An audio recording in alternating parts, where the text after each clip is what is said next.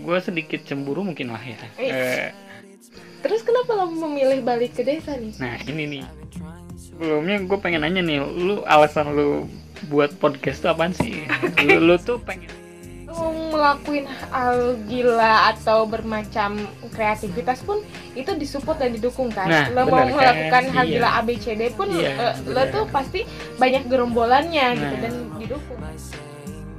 Tanah air terus anak-anak desa Setuju yang banget gue. mungkin kenapa punya pemikiran mengkotak-kotakan dirinya Iya. Justru itu yang gue mau kasih tahu ya Ah, gitu. ah. Jadi gue, gue dapat wawasan kan dari Hmm. beberapa buku yang gue baca.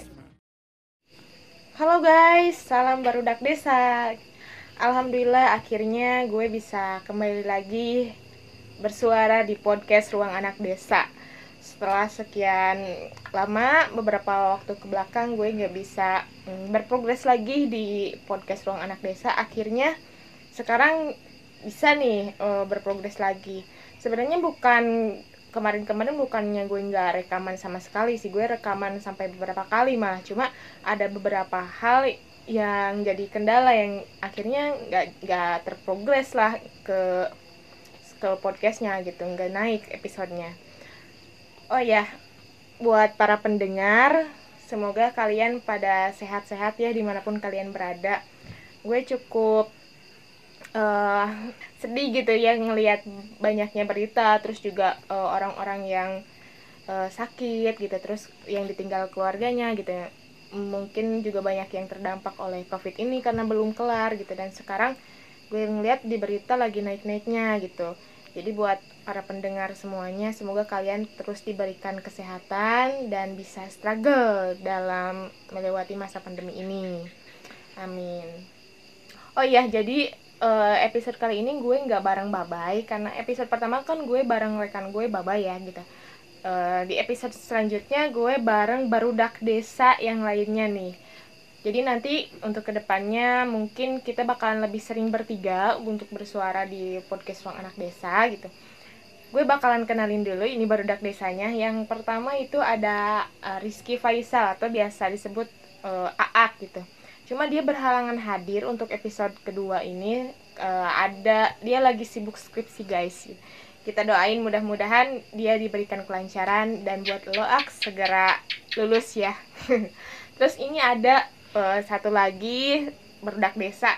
Dan kebetulan dia hadir menemani obrolan episode kedua kali ini gue langsung kenalin aja Halo guys, nama gue Dani. Eh, gue tinggal di Jampang Kulon, Kecamatan Jampang Kulon. Dan gue pernah kuliah di salah satu universitas di Yogyakarta. udah gitu Ya, Oke, sudah. gitu. oke ya udah kalau gitu kita bumper dulu ya Yuk, Yuk. Desa. bisa apa? Halo guys, kembali lagi di podcast Ruang Anak Desa bersama gue Onci. Gue Al dan gue Dani. Salam budak desa. Salam. Oke. Berarti lo udah pernah menghirup udara kota dong ya? Iya, alhamdulillah sudah pernah. Sudah men- pernah mencoba lah ya. Gue mau nanya nih, eh, Mhm. apa sih perbedaan yang paling berkesan buat lo antara di kota sama di desa? Hmm. Oke, tapi gue ngambil contohnya kota Jogja lah ya. Iya. Ya, iya. karena emang gue di Jogja. Ah, ah. kan? berdasarkan perantauan gue. Jadi yang gue lihat tuh peran masyarakat dan peran pemerintah tuh sangat apa ya? Sangat antusias gitu, Oh. sangat berpartisipasi dalam perkembangan potensi-potensi anak muda. Yang gue lihat itu. Ah, Mm-mm, jadi gue sedikit cemburu mungkin lah ya. Eh, sama kenapa daerah gue tuh nggak nggak nggak segininya gitu gitu jadi yang gue lihat peran pemerintah sama masyarakat di sana tuh sangat ini gitu ma- masyarakat tuh artinya dari kaum pemuda sampai orang tuanya gitu. iya dari dari semua kalangan mereka sangat mendukung di setiap kegiatan-kegiatan yang dilaksanakan anak muda gitu. Hmm, gitu. Mm-mm, gitu. berarti masyarakat di sana tuh eh, gotong royongnya tuh Iya. terbangun Benar, gitu, benar. kebersamaannya gitu Heeh. saling membangun nih berarti Nah, ya itu. meng- mengangkat potensinya ya. Mm-mm.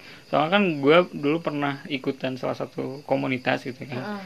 komunitas kesenian gitu Oh, iya. nah dari anggota komunitasnya ya tuh dari mulai anak kecil sampai sudah tua tuh ada gitu mereka mereka berpartisipasi gitu mengangkat budayanya gitu. Eh, jadi jadi gua rasa wih keren banget nih kalau gitu berarti eh, itu sebenarnya kan pengalaman yang bagus buat lo berkembang di sana nah kan. iya Nah, benar-benar Terus kenapa lo memilih balik ke desa nih? nah ini nih gue gue punya salah satu apa ya salah satu impian mungkin lah ya Heeh. bisa dikatakan seperti itu gue tuh punya keinginan gue bisa ikut andil dalam perkembangan daerah gue sendiri Nah, gitu. jadi gue pengen lo.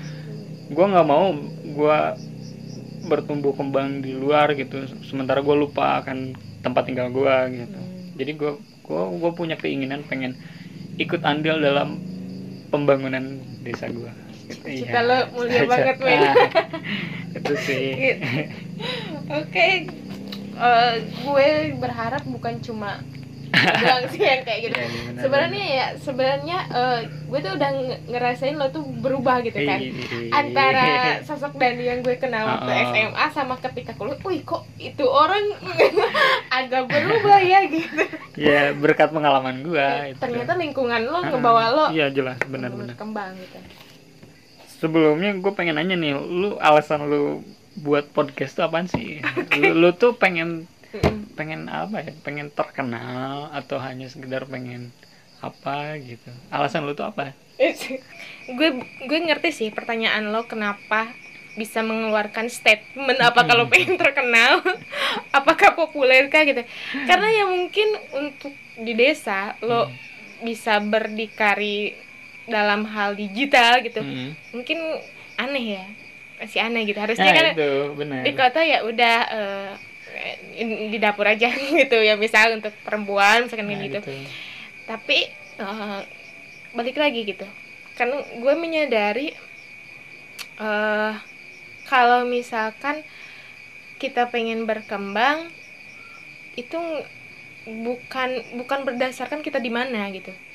Oh iya iya. Bukan berdasarkan kita ada di di desa kah di di kota kah mau itu di negara di negara orang lain gitu kalau misalkan lo mau berkembang ya itu bukan harus berdasarkan posisi gitu Iya. tapi berdasarkan lo manusia Oh, Edan iya. manusia kan lo potensinya banyak nih lo Iya. bisa ngelakuin banyak hal gitu Hmm. ya mungkin tinggal disaring aja gitu belum tentu kan eh, podcast ini tidak layak misalkan untuk eh, untuk pemuda desa gitu kan belum tentu karena nyatanya gue sendiri hampir tiap hari mendengarin podcast Iya. dan gue tuh senang banget ketika malah gue berharap i anda gitu ya gue eh, ada podcast di desa gue bisa rekaman gitu. Ya mungkin itu salah satu alasan nih kenapa gue gak buat sendiri aja podcastnya Hmm. berarti gitu untuk ngembangin bangsa tuh kita kita anggap ngembangin bangsa gitu ya? Yes jadi ngembangin bangsa pahlawan tuh banget lo nasionalis. Yes.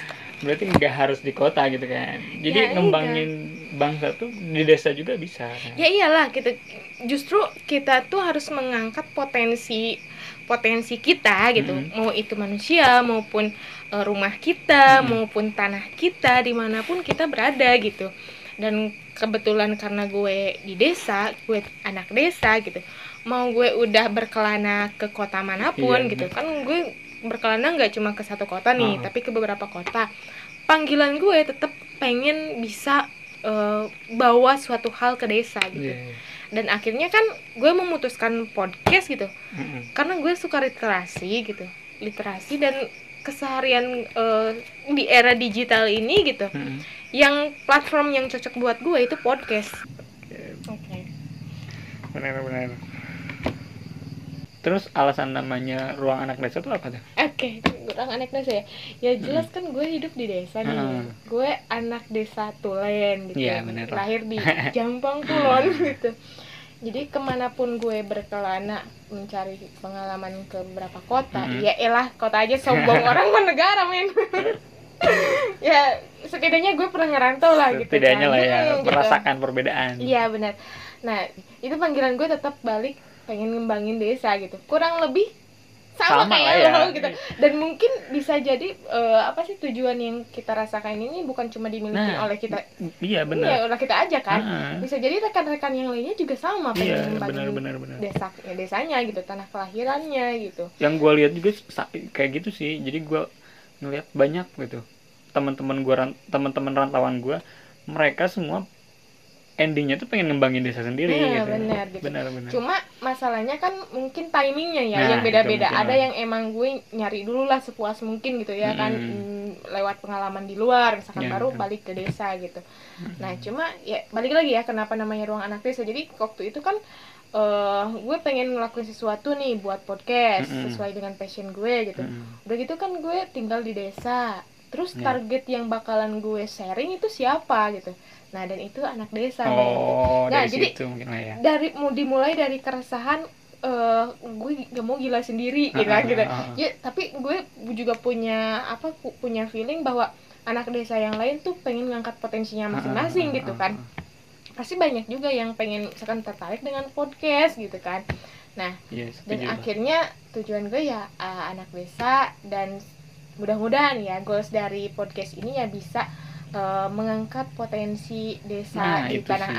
air terus anak-anak desa setuju yang banget gue mungkin kenapa punya pemikiran mengkotak-kotakan dirinya misalkan gue hidup di desa ya udah Iya. gue porsinya uh, bakso aja lah. Ah. misalkan nggak nggak usah pizza misalkan kayak Benar, gitu kan. benar, benar. padahal kan lu juga bisa kan Nah, nikmatin pizza kan gitu. nggak nggak ada batasan untuk hal itu kan. Enggak ada, makanya dorongan gue lo kenapa sih nggak manusiawi aja? gitu. Mm-mm. manusiawi kan lu kan dikasih potensi sama yang maha kuasa Mm-mm. kan gitu. Dan itu tuh banyak gitu bukan berdasarkan ya kali kan eh, Tuhan ngasih lo potensi lo di desa segini aja Ya, kan. enggak lah enggak gitu. mungkin lah. Heeh, gitu. Jadi eh, gue pengen mem- membuka mindset bahwa ya lo kalau misalkan lo mau berkarya di mana pun lah gitu Mm, apalagi sekarang kan di era digital lah ya Mm-mm, jadi semua gitu. akses bisa Iya bisa gampang. banget gitu. Benar. Ya kalau misalkan emang eh, apa dunia pun berpihak berdasarkan wilayah gak mungkin dong kita bisa akses i- Nah, beberapa media benar, sosial di benar. sini kan. Nggak, nggak. terus alasan alasan lu ngajak gue tuh apa tuh Sebentar, lo pengen gue buka yang menjatuhkan apa yang membanggakannya nih? ya netral netral aja lah jadi gini, oke jadi kenapa eh, alasan gue ajak lo Hmm. ya mungkin sama si Ak juga ya gitu. ya Jadi kita kan eh, sebelumnya udah pernah punya project bareng nih, Ya, benar. gitu kan, project bareng Hmm. di luar podcast ini gitu. Dan gue ngelihat eh, apa sih cara kita bekerja sebagai tim gitu, Mm-mm. itu tuh mm, apa ya nyaman gitu, itu tuh nyaman terus eh, enak gitu, saling saling saling mendukung gitu, terus Mm-mm. saling ya seperti yang lo minta saling percaya percaya aja gitu kan Ya, nah, dan gue juga ngelihat gue percaya sama lo berdua bahwa lo berdua tuh bisa terus mengupgrade Oke. diri buat Thank kebutuhan you, thank you.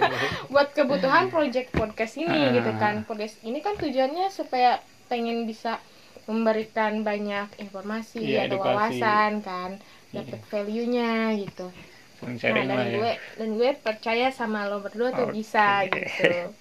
Ya ini sebenarnya gue ngelihatnya karena eh, itu awal awal perbedaan lo ketika lo kul eh, SMA Oh, iya, sama kuliah gitu. Nah, Ini orang bisa terbawa lingkungannya gitu. Iya. Berarti ya siapa tahu bisa ah, bener. tujuan lo juga akan bagus kan balik ke sini Iya, gitu. iya. Makanya lo kan gak nolak kan ketika ditawarin ini. Enggak lah, nggak mungkin nolak kan. Soalnya kan gue juga butuh butuh apa ya? Butuh sosok teman gitu untuk saling mendukung Nah, cita-cita. ini Nah, tuh kayaknya eh, apa cara kita mempertahankan lingkungan supaya kita Nah. berkembang Nah, bareng-bareng itu kan. benar-benar benar. Heeh. Setuju, Gitu. setuju. Oke. Oke, langsung ke topik lah ya mungkin. Oke, benar. Mm. Topik kita ma- eh, kali ini kan kita mau bawain judul Tantangan memulai sesuatu.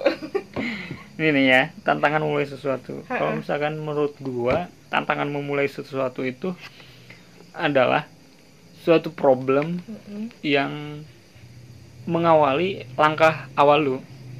Kalau menurut gua gitu sih. Hmm. Jadi be- beberapa problem yang akan lu dapatkan ketika lu melangkah di awal gitu. Itu dari gua. Kalau misalkan dari lu apa tuh? kalau dari gua mm, tantangan memulai sesuai sesuatu itu adalah beberapa hal yang Hmm. mungkin terjadi Iya, iya. ketika lo doing something Ya. doing something Mm-mm. melakukan sesuatu lo melakukan Nah. sesuatu banyak hal gitu Mm-mm. ada eh, faktor internal ada faktor eksternal Iya, iya, gitu benar. contoh-contohnya apa tuh mungkin Contoh- lu, lu bisa sharing Hmm. contoh-contoh dari beberapa hal nah gitu itu maksudnya Mm-mm. Em, kalau misalkan dari faktor faktor internal ya Mm-mm. bisa jadi ketakutan iya iya terus keraguan Mm-mm, benar tidak percaya diri Mm. nah terus kalau misalkan faktor eksternal biasanya yang bakalan lo hadapi itu eh, penolakan oh terus iya benar. Kayak lo tuh di, diremehin dulu gitu. Hmm, kan? iya. lo tuh diremehin dulu dan itu tuh eh, faktor eksternal itu tuh cukup mematikan mematikan mental lo untuk eh, akhirnya lo do apa enggak oh iya gitu. benar. Itu mungkin beberapa inilah ya. Mm-mm. beberapa tantangan ketika lu memulai sesuatu. Mm-mm, gitu. Terus lu lu punya ini gak sih apa punya pengalaman atau mungkin apa gitu? Jelas yang bisa di, yang bisa dibagi buat teman-teman semua. Jelas punya men. Ini oke. kan makanya ini ya alasan kenapa gue bawain judul tantangan eh ini bukan gue. Ini ya kan ini kenapa eh, kita bahas tantangan memulai sesuatu gitu ya. Mm-mm, mm. sebenarnya gue tuh relate banget sama yang lagi terjadi sekarang gitu contohnya ya di podcast yang ya ruang anak desa iya ini benar. karena emang baru juga kan Iya, gitu. terbilang baru mulai benar gitu tapi nggak nggak baru mulai men ini dari 2020 iya maksud maksud gue lebih ke ya baru baru berkecimpung Ya, gitu iya, iya. mau mau gitu hal baru lah yang gue Ah. lakuin kan Heeh. Heeh. jadi ketika gue buat podcast ternyata nggak semudah lo tinggal ngomong doang enggak Oke, iya, kalau kata Panji mah ngomong tuh nggak doang gitu. Iya. kan gitu kan gitu. jadi kalau misalkan lo coba mau buat podcast yang AIO doang mah ya itu mah ya tapi kan buat apa gitu apa yang mau disampaikan nah kan itu. gitu. karena podcast kan tujuannya kan bisa sharing bisa ya berbagi. minimal si pendengar tuh dapat insight-nya kan ya Hmm, gitu. Mm, jadi ketika gue buat podcast ini gue menjumpai kegagalan kegagalan oke menjumpai kegagalan kasih kasih inilah Eh, buat buat iya, iya teman-teman deh. jadi kalau misalkan gue kan eh, orangnya kalau misalkan mau melakukan sesuatu eh, Mhm. Gue orangnya cukup pemberani kan Iya. malah gue overconfident men jadi terlalu percaya diri iya gitu iya jadi kalau misalkan kayak misalkan tahap eh, keraguan ketakutan gue itu lewat aja gue pe- pede aja gitu hajar Nah, aja lah ya hajar aja gitu Heeh. cuma ketika misalkan gue do gitu Mm-mm. gue suka gagal jadi tantangan buat gue gue menjumpai kegagalan dan itu terjadi di podcast ruang Oh, anak desa oke. gitu Wow. Kenapa alasannya lu baru mulai episode 2 ini? Iya, gitu. Oke. jadi ketika gue take record gitu ya. Mm-mm. eh ini kok isinya apa sih Sri? Lu ngomong apa gitu? Apa yang mau dikasih gitu? Mm-mm. terus gue coba rekam lagi gagal lagi. Masih ya, kayak ada ngerasa yang kurang. Akhirnya gue memutuskan untuk ya udahlah gue banyak belajar dulu aja gitu. Terus gue cari eh, teman yang bisa benar-benar eh, apa sih support eh, bisa free time-nya banyak gitu kan Iya, buat iya, bisa iya. berprogres di podcast ini gitu dan itu akhirnya gitu sampai eh tapi ya again gitu ketika lo menjumpai kegagalan jangan jangan mengira itu tuh berarti lo bukannya ja- bukan jalan lo gitu Iya, iya, Enggak, iya. gitu. Itu sama aja kan mundur lah ya. iya mundur Hmm. gitu Ba- Hmm. ya gitu sih. Iya. makanya gue memutuskan untuk terus aja maju Hmm, gitu hmm. karena ya tantangan buat gue ya lewatin aja gitu Iya sih, setuju banget. Nah. Benar-benar. Ini nih, gue punya apa ya? Gue tuh, gue tuh kan ada problem nih. Gue ketika anggaplah gue punya beberapa eh, apa ada garapan proyekan lah ya. Nah, gue tuh punya problem eh ketika memulai sesuatu tuh ada problem habit yang masih habit gue yang di di masa lalu gitu. Jadi Oh. Gue tuh orangnya salah satu orang yang mungkin disebut kaum rebahan mungkin lah ya. Kita sebut kaum rebahan. yang budiman Nah sekarang gue mau gue tuh ngerasa kalau di fase itu tuh gue kayak nggak apa ya nggak pro nggak ini gitu nggak bakalan maju ke depannya gitu nah dan gue pengen masuk ke fase produktif Mm-mm. tapi tantangannya Iya. cukup berat banget gitu Berat. jadi kayak ngerasa perpindahan habit tuh emang sulit banget gitu Hmm. nah gue pengen minta solusi misalkan atau apa gitu dari lu gitu yang bisa membuat gua atau mungkin buat para pendengar yang merasakan hal yang sama sama gua gitu agar bisa melewati si fase-fase itu Ya. fase di mana perpindahan habit itu Mm-mm. Nah, apa sih tips atau apa gitu dari lu Bener nih, nanya nanya sama gua nih. Iya, karena emang gua gua gua tuh ngelihat lu tuh kayak lu udah udah udah udah udah konsisten gitu di di habit-habit lu gitu. Hmm. Lu udah udah bisa tetap do gitu. Udah bisa melewati fase gua lah ya. Kita sebut kayak gitu. Sebenarnya keadaan yang lo ceritain tadi tuh adalah fase yang udah pernah gue lewatin, Mm-mm, gitu. benar. Eh, tahun berapa ya gue gue lupa sih. Jadi memang ya ketika misalkan kita mau eh, melakukan sesuatu atau menjadi A gitu, Nah, itu. kita itu membutuhkan habit-habit yang bisa mendukung untuk bisa mencapai si A itu gitu. Mm-mm. Contohnya misalkan lo mau jadi eh, seorang penulis gitu. Mm-mm. Berarti lo harus mm, punya kebiasaan membaca, terus Iya. misalkan menulis gitu kan Iya, gitu. benar. Nah, sama halnya lah dengan mau melakukan sesuatu yang lain gitu. Jadi Mm. jangan salah kalau misalkan lo ngerasa ada butuh sesuatu, butuh habit yang harus lo bangun gitu. Nah, Iya. cuma ketika kita mau ngerubah habit gitu. Tapi kan, gue ngerasanya berat banget untuk Iya, bener. perpindahannya. Iya, bener, Gue gitu. ngerasa aduh. justru ini yang gue mau kasih tahu ya Ah, gitu. ah. Jadi gue, gue dapat wawasan kan dari Mm-mm. beberapa buku yang gue baca gitu. Mm-mm. Ketika lo mau merubah sesuatu, Mm-mm. lo tuh bakal mendapati eh, tiga proses. Tiga proses. Mm-mm. Jadi Tiga tiga, step lah proses, ya. tiga step yang bakalan Hmm. lo lewati. Yang pertama, lo bakal ngerasa berat. Mm-mm. Yang kedua, lo bakal dihancurkan, Dihancurkan. dihancurkan, lebur men. Terus yang ketiga, baru lo bisa terbang atau indah ya. Hmm, Gitu. Iya iya. Mm, gitu. Nah terus eh, dari dari si buku yang gue baca itu ya, gitu. Mm-mm. dari si proses mm, lo berat sampai Mm. lo bisa jadi integritas atau misalkan lo bisa Produktif. terbentuk sesuatu yang baru gitu, Mm. itu kurang lebih membutuhkan waktu 66 hari men. Jadi 22 hari pertama ketika lo melakukan perubahan itu ya, lo ngerasain Oke. eh, berat yang diiringi dengan hancur gitu. Jadi lo tuh hancur gitu Iya benar. kayak misalkan eh apa sih ya, ya gimana gak berat lo lo dari posisi rebahan iya lo kan. harus misalkan harus pagi bangun bangun gitu kan Nah, buat lari sulit terus apa gitu banget. ngelakuin banyak hal gitu itu Benar, pasti lo benar. lo berat gitu Iya. nah jadi lo tuh bakal ngerasa di- ada di posisi hancur ketika misalkan dan ketika lo ada di posisi hancur gitu Mm. lo sebisa mungkin harus bertahan dan bisa ngelewatin tahap itu gitu. Oh, Karena ketika lo oke. ada di posisi hancur, sebenarnya itu itu udah ngebalance antara antara habit baru dan habit lama. Lo tuh udah Oh, udah mulai iya, iya, balancing iya, gitu. benar-benar. Lo udah udah menerima habit baru lo dan lo udah siap meninggalkan habit lama lo gitu. Mm. Cuma kalau misalkan di posisi hancur itu lo gak nggak kuat gak bisa ngelewatin nih Mm-mm. dalam hari ke 44 44 Ya, hari ya. gitu.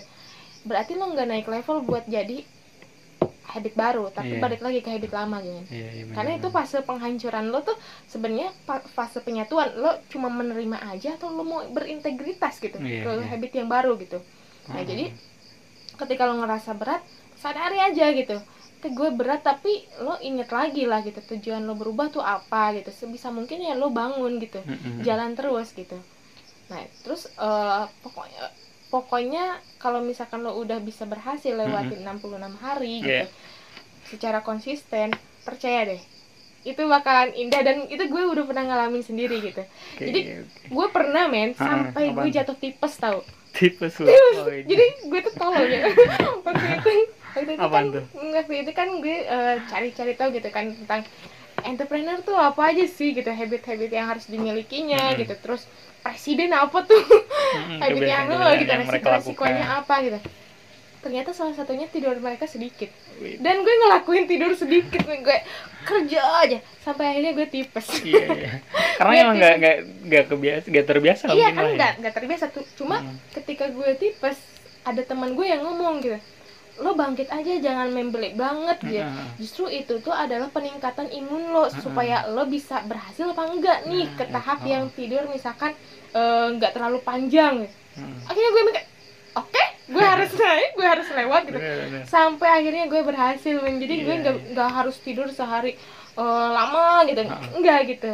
Ya karena ya mungkin tekad gue kuat gitu untuk bisa ngelewatin tiga fase itu. Jadi lo harus bisa lewatin tiga fase Iya, itu berarti di posisi gue tuh gue bakal menemukan tiga fase mungkin lah ya. Mm, gitu. jadi terus yang gue harus ambil ya gue harus fighting melewati itu. Mm, gitu. Ya gini ya kalau misalkan lo udah tahu udah sadar udah aware gitu Mm-mm. dengan apa yang bakalan lo hadapi gitu Mm-mm. yang bakalan lo punya adalah penerimaan gitu penerimaan diri penerimaan diri gitu jadi Mm-mm. ketika misalkan fase mm, berat itu datang Mm-mm. lo bakalan nerima oke gue berat kok tapi gin lo Iya. tetap memutuskan yang A kan nggak Iya. balik yang C misalkan Iya, iya. itu berarti sadarilah ya sadari Hmm, sadari gitu itu, jadi di ya makanya mungkin kenapa kalau misalkan lo mau ngelakuin sesuatu lo tuh harus tahu tujuannya apa alasannya apa ya mungkin biar lo nggak mudah untuk putar arah iya iya benar Gitu. benar berarti buat so- solusi buat eh buat buat berudak desa yang mungkin mengalami fase-fase Ke- kayak kayak menghadapi ah, menghadapi fase-fase yang kayak kita ceritain tadi Heeh. Ya solusinya itu mungkin lah ada kalau misalkan gue sih ya suka ngerekap mm, dalam tiga bagian gitu Mm-mm. ketika gue ngehadapin tantangan yang pertama gue bangun self awareness gitu self awareness ya. self awareness itu di antaranya gue tahu kenapa gue ngelakuin itu terus resikonya apa gue Mm-mm. ngenal diri gue kayak gimana Mm-mm. gitu nah terus udah kalau misalkan lo udah tahu lo tuh bakalan siap dengan apa yang ada di depan gitu. Hmm. nggak mudah jatuh nggak mudah mm, ter, ter- apa sih tersapu gitu lah Iya, gitu. karena ketika lo sadar gitu lo menyikapi hal apa pun yang datang kepada lo gitu entah kenapa posisi yang bakalan lo ambil tuh adalah penerimaan. Oke. Jadi ketika misalkan lo ada di posisi berat Mm-mm. lo tuh nerima oke gue nerima gue emang berat kok gitu tapi Mm-mm. ya gue harus maju gitu nah ke- Mm-mm. terus ketika lo ada di posisi hancur oke gue diterima gue nerima nih gue ada di posisi hancur ayo lanjut yuk maju lagi yuk gitu supaya lo bisa terbang gitu nah jadi pesan gue tuh sadari aja gitu Mm-mm. awareness lo tuh harus kebangun gitu jadi jangan sampai ketika lo ada di tahap berat udah ngerasa gak mungkin mustahil lah gitu ya jangan gitu Ya, men. ya. justru itu adalah bekal bekal lo yang harus lo lewatin gitu. Iya. gue ada contoh kan ini. Jadi kan eh, tahun ini gue pengen belajar jadi eh, entrepreneur Iya, saya sebelumnya kan gue eh, karyawan nih karyawan gitu. Terus gue memutuskan untuk eh, berhenti nih dari dari kerjaan gue gitu. Dan Mm. gue memutuskan untuk jadi entrepreneur gitu dan ketika gue memutuskan jadi entrepreneur itu tuh ada beberapa habit yang harus gue bangun harus gue milikin untuk seorang entrepreneur gitu Iya, iya. dan itu tuh menghancurkan eh, mental gue gitu karena ya secara misalkan misalkan nih ya dari secara materi misalkan gue kehilangan penghasilan tetap gue gitu Iya. sementara untuk eh, mental entrepreneur gue harus menghabiskan dan malah gue harus memikirkan untuk tim gue gitu Hmm. yang harus gue tanggung gitu dan itu tuh menghancurkan lo banget kan awalnya Iya. lo ngerasa ragu berat untuk berhenti dari kerjaan lo yang udah zona nyaman gitu Ah, ah, ah. terus Dengan ketika gaji lo mm-mm, ketika lo udah berhasil ngelewatin oke gue yakin gue bisa lo ada di posisi hancur ngejalanin Mm-mm. tahap lo nah terus ketika misalkan gue ada di tahapan hancur itu gue Mm. tuh renungannya kayak gitu aja gitu oke gue sadarin gue harus nerima karena kalau misalkan gue balik lagi ke habit eh mundur ke belakang Mm. flashback berarti gue nggak bisa terbang iya, men nggak naik level lah gak naik level gue gak bisa jadi entrepreneur Hmm. berarti gue masih ya untuk mm, karyawan misalkan Iya. gitu terus yang kedua tuh sebisa mungkin ya lo bangun lingkungan yang bisa nge-support lo gitu nah penting banget soalnya Itu penting banget, Asli. sumpah. karena gini eh, itu kan eh, kayak tadi apa tantangan memulai sesuatu kan Mm. ada dua internal sama eksternal kan Iya. faktornya dan faktor eksternal itu biasanya di tahap penghancuran lo tuh nggak nggak sedikit men banyak banyak banget Banyak banget Oh, gitu. iya. nah kalau misalkan lo membentuk suatu lingkungan yang bisa mendukung lo tetap Mm, mm, mm, bertahan gitu lo itu lebih memudahkan jalan lo untuk Nah, naik gitu. membantu lah ya membantu, membantu gitu. Benar benar benar. Gitu jadi kalau bisa ya lo bangun lingkungan dengan ya sharing sama orang yang Ah. bisa ngarah ke sana gitu. Hmm, jangan Terus- sampai lu memilih mundur aja aja iya benar gitu. Nah, jangan. terus yang ketiga lo evaluasi. Evaluasi. Nah, lo harus punya evaluasi. Jadi ketika lo menemui kegagalan eh, apa hambatan-hambatannya, Hmm. rintang-rintangannya, ya lo evaluasi aja gitu. Kesalahan lo di mana, terus Hmm, eh, resik eh, apa sih ke depannya lo harus kayak gimana iya, gitu. iya, iya. Jadi jangan sampai lo tuh semu apa ketika memutuskan sesuatu atau Hmm. melakukan sesuatu gitu tidak ti- eh, mentah gitu mentah nggak nggak matang gitu iya iya gitu oke kita ya mungkin itu aja ya di episode kedua kali Iya, ini. mungkin jadi nggak nggak nggak inilah ya nggak nggak terlalu panjang lebar lah untuk, mm-mm, gitu. untuk episode kedua ini. Pokoknya eh, gue tuh lebih kayak kepengen nyampein aja gitu. Ternyata gue tuh punya tantangan nih buat podcast gitu sih. Ah. gitu terus ada harapan dari si podcast ini sih gitu. Gue kan eh, harapan dari podcast ini semoga podcast ini tuh bisa memberikan banyak eh, wawasan Mm-mm, amin, terus amin, amin. insight-nya sama para pendengar gitu Iya, iya. terus yang paling penting sih buat Mm-mm. gue adalah bisa jadi pengingat buat diri gue juga Iya, iya. gitu karena kan gue juga masih eh, ada di fase proses gitu Mm-mm, kan mm-mm. gue yang sekarang belum berarti ini akhir gue gitu Iya. gue masih berproses dan itu Mm. panjang gitu kalau misalkan gue punya tabungan simpanan karya ini gitu Mm-mm. itu bisa jadi pengingat gue oh Nah, dulu benar. waktu usia segini gue Nah, ini nih gitu benar, berarti benar, benar. berikutnya gue harus bisa lebih dong gitu Nah, kalau harapan podcast ini buat lo apa harapan gue sih eh, semoga ad- eh, para pendengar bisa bisa apa ya bisa lebih ngerasa bahwa iya di desa tuh karena mungkin judul apa podcast ini ruang anak desa gitu Ah. itu memberikan gambaran bahwa ada yang lagi berjuang ya gitu. iya Ah, bener gitu dan mereka jadi merapat nah gitu ah, saling saling ini gitu Jadi Hmm. memberikan gambaran bahwa ayo berjuang bareng-bareng lah gitu. ya benar Ah. sih gitu jangan ada batasan antara kita di desa jangan sampai ada batasan gitu enggak gitu jangan mengkotak-kotakan jangan lah, mengkotak-kotakan lah ya gitu gitu. jadilah manusia gitu benar-benar harapan kayak gitu sih Iya, iya bener gitu sih. kalau dari lu sendiri harapan podcast ini apa Harapan dari gue, Hmm. kalau misalkan gue sih berharap yang paling penting eh, kalau buat diri gue sendiri adalah ini adalah jadi pengingat buat Hmm. diri gue sendiri gitu. Iya benar-benar Karena ya gue yang sekarang bukan berarti bukan gue yang akan datang Hmm, gitu. hmm, Proses gue nggak akan berhenti di sini Hmm. men gitu. Jadi setidaknya kalau misalkan gue udah punya karya ini gitu, Mm-mm. gue jadi ingat oh dulu gue usia segini punya bang- buat karya kayak gini nih berarti usia yang selanjutnya atau tahun selanjutnya harus bisa lebih lah gitu Iya, iya, benar. kita kan hidup untuk berkembang kan Iya. masa Ber- berkembang jalan di tempat gitu kan jangan jangan sampai lah Gitu. maju langkah dong Harus lah. gitu. Nah terus kalau misalkan untuk para pendengar gitu gue ngerasa ya gue Hmm. ngerasa yang pengen kayak gini tuh cuma bukan cuma gue doang gitu Mm-mm. uh, khususnya anak desa ya Hmm. Dan- dan gue pengen ketika podcast ini berjalan dengan baik Hmm. gitu gue pengen bisa berkumpul dengan uh, barudak desa yang lainnya yang bisa uh, bersuara di sini gitu Hmm. menginspirasi di sini gitu gue berharap ya Mm-mm. gue berharap tuh podcast ini tuh bisa terus uh, bisa mengangkat potensi-potensi anak desa terus uh, potensi-potensi uh, wilayah desa-desa di Iya, iya. tanah air gitu kan. Gue pengen ada cita-cita pengen keliling jelajah desa kan. Jelajah desa ya. jelajah desa ada 80.000 ribu desa Oh, kurang banyak lebih banget, nah. banyak banget di Indonesia itu gitu. Dan gue kayak ih ke mana aja? gitu kan gitu bener gitu. Nah siapa tahu dan menutup kemungkinan juga gitu karena kita kan podcast ini ada tiga pos gitu Nah, kan. tiga pos, ada ya. tiga pos. Yang pertama bakal eh, pos pertama itu ngangkat kon- ngangkat kontennya tentang ceritain dong ceritain dong tuh isi apa tuh?